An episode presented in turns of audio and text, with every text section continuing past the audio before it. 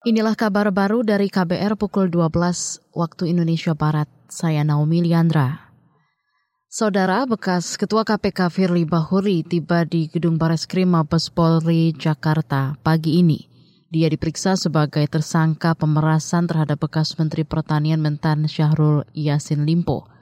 Kepada awak media, Firly sempat mengatakan akan kooperatif mengikuti proses hukum. Pemeriksaan ini merupakan keempat kali sejak ditetapkan sebagai tersangka oleh Polda Metro Jaya. Sebelumnya Kepala Polri Listio Sigit Prabowo pernah membuka surat terkait penyebab Firly belum ditahan.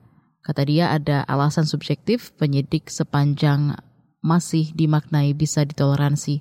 Di sisi lain, pakar hukum Yusril, Yusril Iza Mahendra meminta kasus Firly dihentikan lantaran dinilai banyak kejanggalan dalam proses penyelidikan hingga penyidikan. Itu dikatakan Yusril usai menjadi saksi meringankan untuk Firly Bahuri di Polda Metro Jaya. Kementerian Pertanian diminta meningkatkan produksi jagung untuk menekan tren kenaikan harga pangan ternak hingga 20 persen. Pengamat pertanian dari Institut Pertanian Bogor IPB Hermanto Siregar mengatakan, kenaikan adalah bukti tidak seriusnya pemerintah mengelola produksi jagung.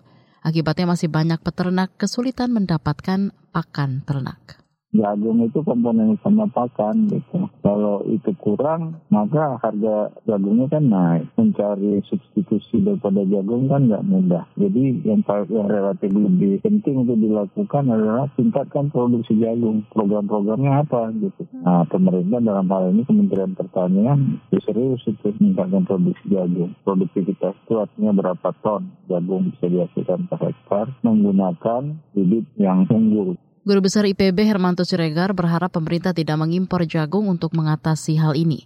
Sebelumnya gabungan organisasi peternak ayam nasional Gopan mengeluhkan harga pakan unggas yang terus naik.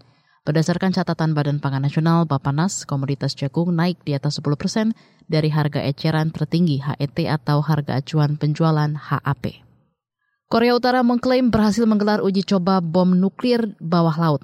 Uji coba dinilai sebagai bentuk menantang Amerika Serikat dan sekutunya di Asia Pasifik. Sebab pimpinan Korut Kim Jong-un telah memerintahkan pasukannya untuk bersiap perang melawan Amerika Serikat usai menyalahkan Washington atas ketegangan di semenanjung Korea. Amerika Serikat dikabarkan telah melakukan latihan militer gabungan Angkatan Laut bersama Korea Selatan dan Jepang. Latihan militer itu melibatkan pesawat bomber pengangkut bom nuklir. Korut dikabarkan menggunakan mesin terbaru untuk pendorong rudal hingga memiliki kemampuan hipersonik. Mesin itu disebut-sebut pas dipasok dari Rusia. Biro Umum Rudal Republik Demokratik Korea DPRK melakukan tes ini dengan rudal jarak menengah memakai bahan bakar solid dan dilengkapi kepala rudal hipersonik. Saudara demikian kabar baru dari KBR pukul 12 waktu Indonesia Barat. Saya Naomi Liandra, undur diri.